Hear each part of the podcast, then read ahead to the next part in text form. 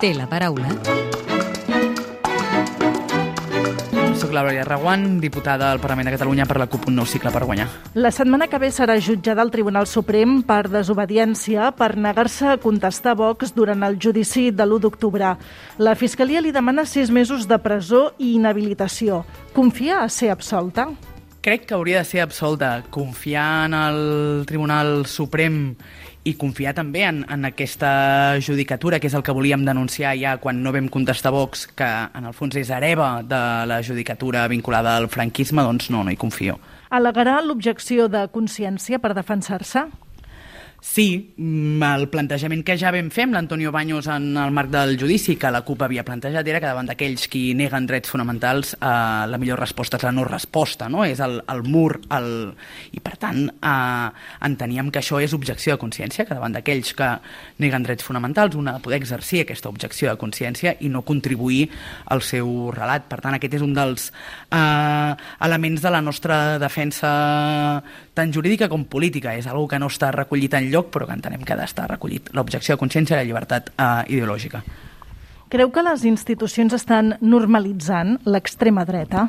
Absolutament. Nosaltres el que llegim d'aquest any aquí al Parlament és que malgrat hi ha un pacte antifeixista on es vota sistemàticament, no? on, on no es permet i es blinda la iniciativa legislativa d'un grup com, com Vox, sí que s'acaba normalitzant en els debats eh, els seus arguments o la seva presència, no? i per tant que cal fer una revisió del que era aquell pacte antifeixista, dotar-lo de més contingut eh, polític i blindar-nos més i millor perquè aquests discursos, discursos que no deixen de ser discursos d'odi, xenòfobs, racistes, masclistes, que marquen un model de societat que ens remet a les societats eh, nacionals, socialistes, o sigui, vinculades al feixisme, no tinguin cabuda aquí al Parlament. Si finalment fos condemnada, com la jutja al Tribunal Suprem, la sentència ja serà ferma i s'exposa a perdre el seu escó al Parlament. Acatarà la sentència? Ja en el cas del Pau Juvillà nosaltres vam intentar mantenir un anem pas a pas i a cada pas farem les valoracions i prendrem les decisions que, que siguin eh, necessàries i que responguin millor a la situació política i també que serveixin més al, al moviment. No? I aquest és un dels, segueix sent un dels marcs.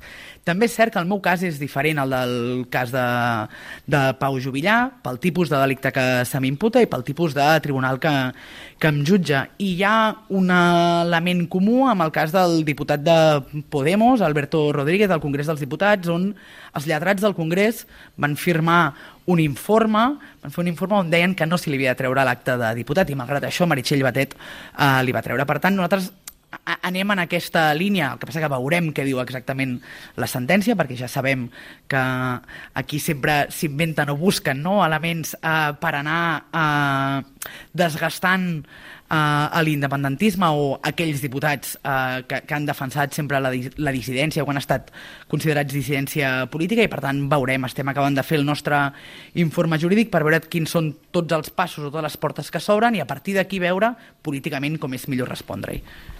Per tant, entenc que si l'inhabilitessin en el seu cas per sufragi passiu i no per càrrec públic, encara hi hauria un filó per mantenir l'escó al Parlament de Catalunya?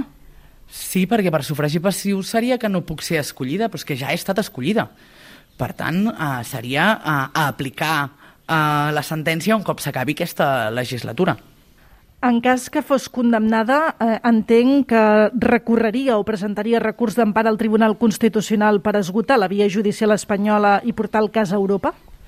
Sí, nosaltres mm, portarem el cas de la mateixa manera que amb el cas del, pas, del Pau Jubillà també, a, a totes les instàncies possibles i per tant des de ja aquest prim, des del primer moment hem estat plantejant quina era la millor estratègia també per arribar no, a, a Europa i que a, tingués el resultat eh, positiu que esperem. Creu que el govern ha traït els acords de la CUP que van fer possible la investidura de Pere Aragonès? Crec que hi ha elements de l'acord d'investidura que no s'estan produint i que no s'estan produint amb la velocitat que altres coses que no estaven a l'acord però que nosaltres no compartim s'estan produint. És a dir, eh, al voltant de les polítiques públiques d'habitatge no s'està avançant en la línia que s'havia d'avançar, però en canvi van anar molt ràpid a fer la carta per la candidatura olímpica de, dels Jocs eh, d'hivern. Aquest és un, un exemple paradigmàtic de com estan anant les coses. Però per al govern, la CUP continuen sent els seus socis preferents, almenys públicament això és el que diuen, però la CUP es considera partit de l'oposició. Entenc, doncs, que de socis res de res? Jo crec que en, si analitzem com ha anat el que portem de legislatura, el que acaba semblant més és que les paraules de soci preferent són una retòrica que va bé de portes en fora, però pacten amb el PSC, Junts i Esquerra el repartiment eh, dels càrrecs que fa temps que estaven pendents sense cap diàleg amb la resta d'actors, acaben aprovant els pressupostos amb els comuns, el, la modificació del decret de les renovables eh, amb els comuns, quan ha convingut eh, Junts per Catalunya ha pactat l'ampliació de l'aeroport amb el PSC, jo diria que eh, si realment es vol eh, que la CUP sigui soci preferent, cal que tornem a l'inici, que mirem allò que vam acordar i que es posi celeritat eh, en fer bé les coses que vam acordar. Vistos els resultats, creuen que el govern català s'hauria d'aixecar de la taula de diàleg amb el govern espanyol?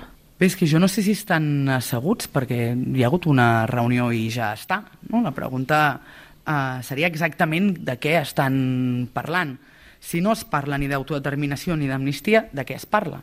Nosaltres hem dit sempre que, o fa mesos que estem posant sobre la taula, que cal fixar un nou referèndum en aquesta legislatura per mirar cap a, cap a Europa i mirar també i aprendre d'Escòcia de, i Junts per Catalunya no sabem què proposa. Així es fa molt difícil avançar en el pla B, però no renunciem a que això es faci.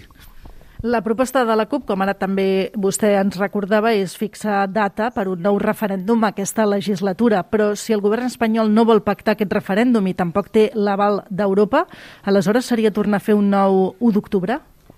Jo crec que tampoc ens hem d'avançar en, no, en els esdeveniments. El que nosaltres plantegem és cal uh, fixar un nou referèndum en aquesta legislatura. Per començar, perquè si Esquerra Republicana es creu aquesta taula de diàleg, li ha de donar uh, al·licients al govern de l'Estat per abordar realment la resolució del conflicte, que ara no en té cap el govern del Partit uh, Socialista i Podemos. Seguim dient també que cal fixar uh, un nou referèndum perquè és el que estressa més a l'Estat. És el que li posa de manera més clara el mirall uh, democràtic uh, al, al davant. I cal fixar un nou referèndum perquè tenim uh, el cas d'Escòcia, que planteja fer un referèndum d'autodeterminació el 2023, mirant molt, molt cap, a, cap a Europa i, per tant, aprofitar l'estela del debat sobre el dret a l'autodeterminació a Europa en el marc d'Escòcia entenem que contribueix a guanyar eh, suports o més comprensió per part de, de la comunitat internacional, que és qui al cap i a la fi, al final, haurà d'intervenir, si el que volem és resoldre el conflicte, haurà d'intervenir perquè eh, aquest conflicte es resolgui. Si li sembla bé, ara ens endinsem ja en el terreny més personal i li demano si pot contestar amb respostes ara al màxim de breu possibles. Per què va decidir entrar en política? Volia canviar les coses. Quina injustícia social l'enerva més? L'impossibilitat de molta gent d'accedir a l'habitatge. Creu que els diputats s'haurien de baixar el sou i les dietes? Evidentment. Com desconnecta de la política? Desconnecto poc. Quin diputat o diputada, ideologia a banda, fitxaria per al seu grup? Fitxaria l'altre, un dels diputats que està també represaliat, que és el Josep Maria Jové. I ja per acabar, completi la frase següent. El que més m'agradaria del món és... Que visquéssim en una societat realment lliure. Eulàlia Reguant, diputada de la CUP al Parlament, gràcies per atendre'ns a l'hemicicle de Catalunya Informació. Moltes gràcies a vosaltres. Podeu tornar a escoltar l'hemicicle al web catradio.cat barra hemicicle o al podcast del programa i seguir l'actualitat del Parlament al perfil de Twitter arroba L-hemicicle.